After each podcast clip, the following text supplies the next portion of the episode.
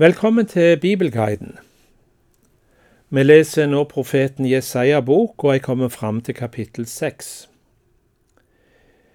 Det er først et godt stykke inn i bokrullen at vi finner det som kunne vært den naturlige åpning av denne profetboka, nemlig historien om profetens kall og oppdraget han fikk ifra Gud. Dette viser at Jesaja-boka ikke er framstilt kronologisk, men at profetiene er samla i tema. Profeten har mottatt sine budskap og syner over lang tid og under mange forskjellige omstendigheter, og en slik fremstilling etter tema, den hjelper oss til å forstå teksten bedre. Altså kapittel seks i Jesaja-boka. I denne beretningen møter vi hovedtemaene i boka gjennom det syn som profeten har fått skrevet ned. Her ser vi Guds hellighet og majestet. Han viser sin herlighet og renhet som kreves i hans nærhet. Her renses den som omvender seg, og vi hører om livet som bryter fram fra stubben som står igjen av den ødelagte vingården. Håpet, budskapet om frelse og nåde, om oppreisning og en herlig framtid klinger med hele tida. Dette avsnittet om profetens kall er et kunststykke av litteratur, og vi finner det sitert flere ganger i Det nye testamentet. La oss lytte til Jesaja kapittel 6, profetens kall.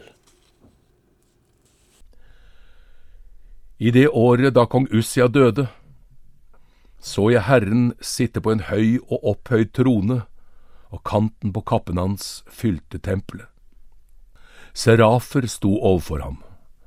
Hver av dem hadde seks vinger, med to dekket i ansiktet, med to dekket i føttene, og med to fløy de. De ropte til hverandre, Hellig, hellig, hellig er Herren Sebaot. Hele jorden er full av Hans herlighet. Røsten som ropte, fikk boltene i dørtersklene til å riste, og huset ble fylt av røyk. Da sa jeg, Ved meg, det er ute med meg, for jeg er en mann med urene lepper, og jeg bor i et folk med urene lepper, og mine øyne har sett Kongen, Herren over hærskarene. Da fløy en av serafene bort til meg. I hånden hadde han en glo som han hadde tatt med en tang fra alteret. Med den rørte han ved munnen min og sa, Se, denne har rørt ved leppene dine. Din skyld er tatt bort, og din synd er sonet. Da hørte jeg Herrens røst. Han sa, Hvem skal jeg sende, og hvem vil gå for oss?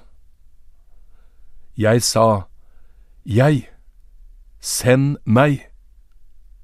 Han sa, Gå og si til dette folket, dere skal høre og høre, men ikke forstå, se og se, men ikke skjønne. Gjør dette folkets hjerte fett, gjør ørene tunge og kleb øynene igjen, så de ikke kan se med øynene ikke høre med ørene, ikke forstå med hjertet, og ikke vende om og bli helbredet. Da sa jeg, Hvor lenge, Herre? Han sa, Til byene ligger øde og folketomme, og det ikke er mennesker i husene, og landet ligger som en ødemark. Og Herren skal sende menneskene langt bort øde og forlatt skal landet bli. Er ennå en tiendedel tilbake, skal også den brennes opp, som når en eik eller terebinte blir felt, og bare en stubbe står igjen. Den stubben er en hellig ett. Etter dette innskuddet om profetens kall kommer vi til det avsnittet i profeten Jesaja som kalles Immanuelsboka, og som omfatter kapitlene sju til tolv. Det er her vi møter profetiene om det lova barnet som skal komme og styre landet. Igjen, dette er talt inn i den tida da Jesaja virka på 700-tallet før Kristus, men hans profetier og budskap strekker seg fram mot tida da Jesus ble født, ja, helt inn i endetiden. Budskapet er et budskap ikke bare til Juda, riket og Jerusalem, men til alle folk og nasjoner. Immanuelsbokens utgangspunkt er at nabolandene vil gå til angrep på Jerusalem fordi de ikke vil gå i allianse med asyrerne. Situasjonen er prekær. Kongen er redd og i villrede. Da er det profeten på Herrens ord møter kongen og oppmuntrer han. Vær ikke redd, angrepet skal ikke lykkes. Vi leser Jesaja kapittel 7 vers 1-9.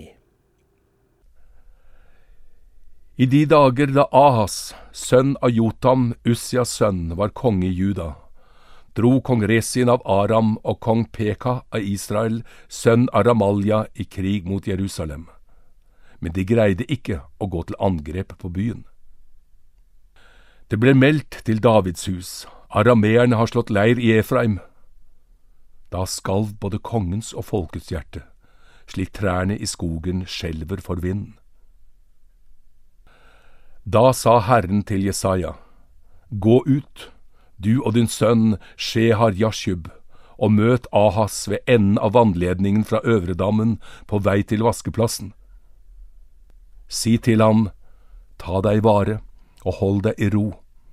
Vær ikke redd, og mist ikke motet for disse to utbrente og rykende vedtrærne, for den brennende harmen til Resin og Aram og Remaljas sønn. Fordi Aram, Efraim og Remaljas sønn har lagt onde planer mot deg og sagt, La oss dra opp mot Juda og sette skrekk i det, legge det under oss og gjøre Tabels sønn til konge der. Så sier Herren Gud, det skal ikke lykkes, og det skal ikke skje. For Damaskus er Arams hode, og Resin er hodet i Damaskus. Men om 65 år er Efraim knust, og det er ikke lenger et folk. Og Samaria er Efraims hode, og Remaljas sønn er hodet i Samaria. Vil dere ikke tro, kan dere ikke stå støtt. Så får kong Ahas tilbud om å be Gud om et tegn. Men han har ikke tro på Gud, og i sin falskhet avviser han tilbudet med å sitere Moses. Men Gud gir han et tegn allikevel. Et tegn som ligger langt inn i framtida og taler om Jesu fødsel, men som òg har noe å si til kongen. Navnet barnet skal få, er Emanuel, som betyr Gud med oss. Og dommen over de kongene som har gått i allianse mot Ahas, lyder det skal bli øde i landet til de to kongene. Vi leser versene 10 til 17. Herren talte igjen til Ahas og sa, Be om et tegn fra Herren din Gud, nede fra dødsriket eller oppe fra det høye. Men Ahas svarte, Jeg vil ikke be om noe, og ikke sette Herren på prøve. Da sa han, Så hør da, Davids hus, er det ikke nok at dere tretter mennesker, må dere også trette min Gud. Derfor skal Herren selv gi dere et tegn.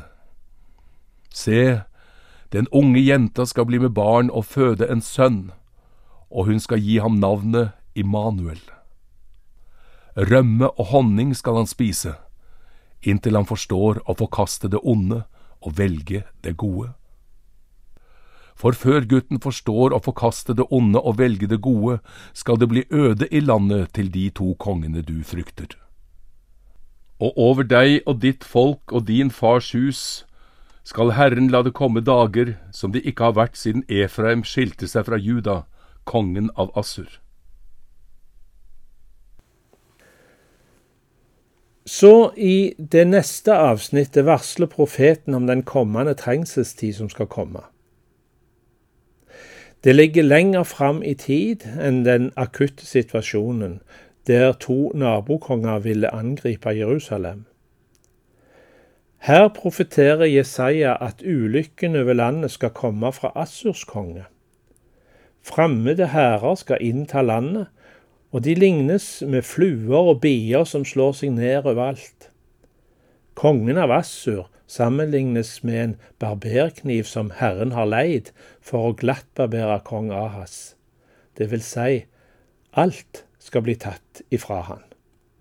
Vi hører kapittel 7, vers 18 til 20. Den dagen skal det skje at Herren plystrer på fluene ved elveosene i Egypt og på biene i Assur. Alle skal komme og slå seg ned i bratte gjeld og fjellkløfter, i alle tornekratt og på alle vanningsplasser.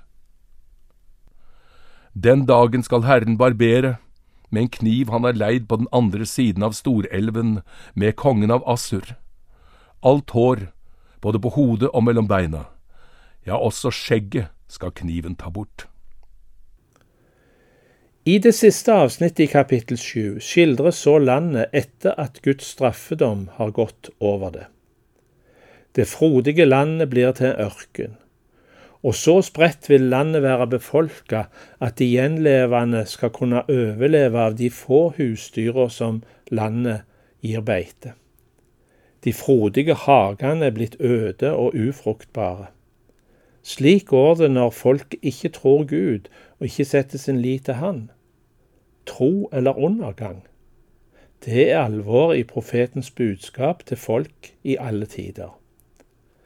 Vi leser Jesaja 7, vers 21-25. Og den dagen skal en mann kunne holde en kvige og et par sauer og de skal gi så mye melk at han kan spise rømme. Ja, rømme og honning skal de spise, alle de som er tilbake i landet. Og den dagen skal det skje at hvert sted der det nå er tusen vinstokker, hvert tusen sjekel sølv, skal det bare være torn og tistel. Med pil og bue går en dit, for landet er fullt av torn og tistel og alle liene som ble hakket opp med hakker. Dit kan du ikke komme mer av frykt for torn og tistel. Nå skal okser slippes løs der, og sauene skal tråkke ned. I dagens avsnitt i Bibelguiden har vi hørt om Immanuelstegnet, en profeti om Jesu fødsel som eh, ga trøst til folket da som nå. Barnets navn, Immanuel, betyr Gud med oss.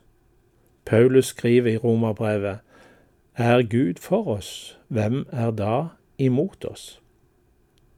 I neste kapittel møter vi et nytt barn, med et merkelig navn. Maher Shalal Hashbash. Følg oss i Bibelguiden, der vi nå leser ifra profeten Jesajas bok.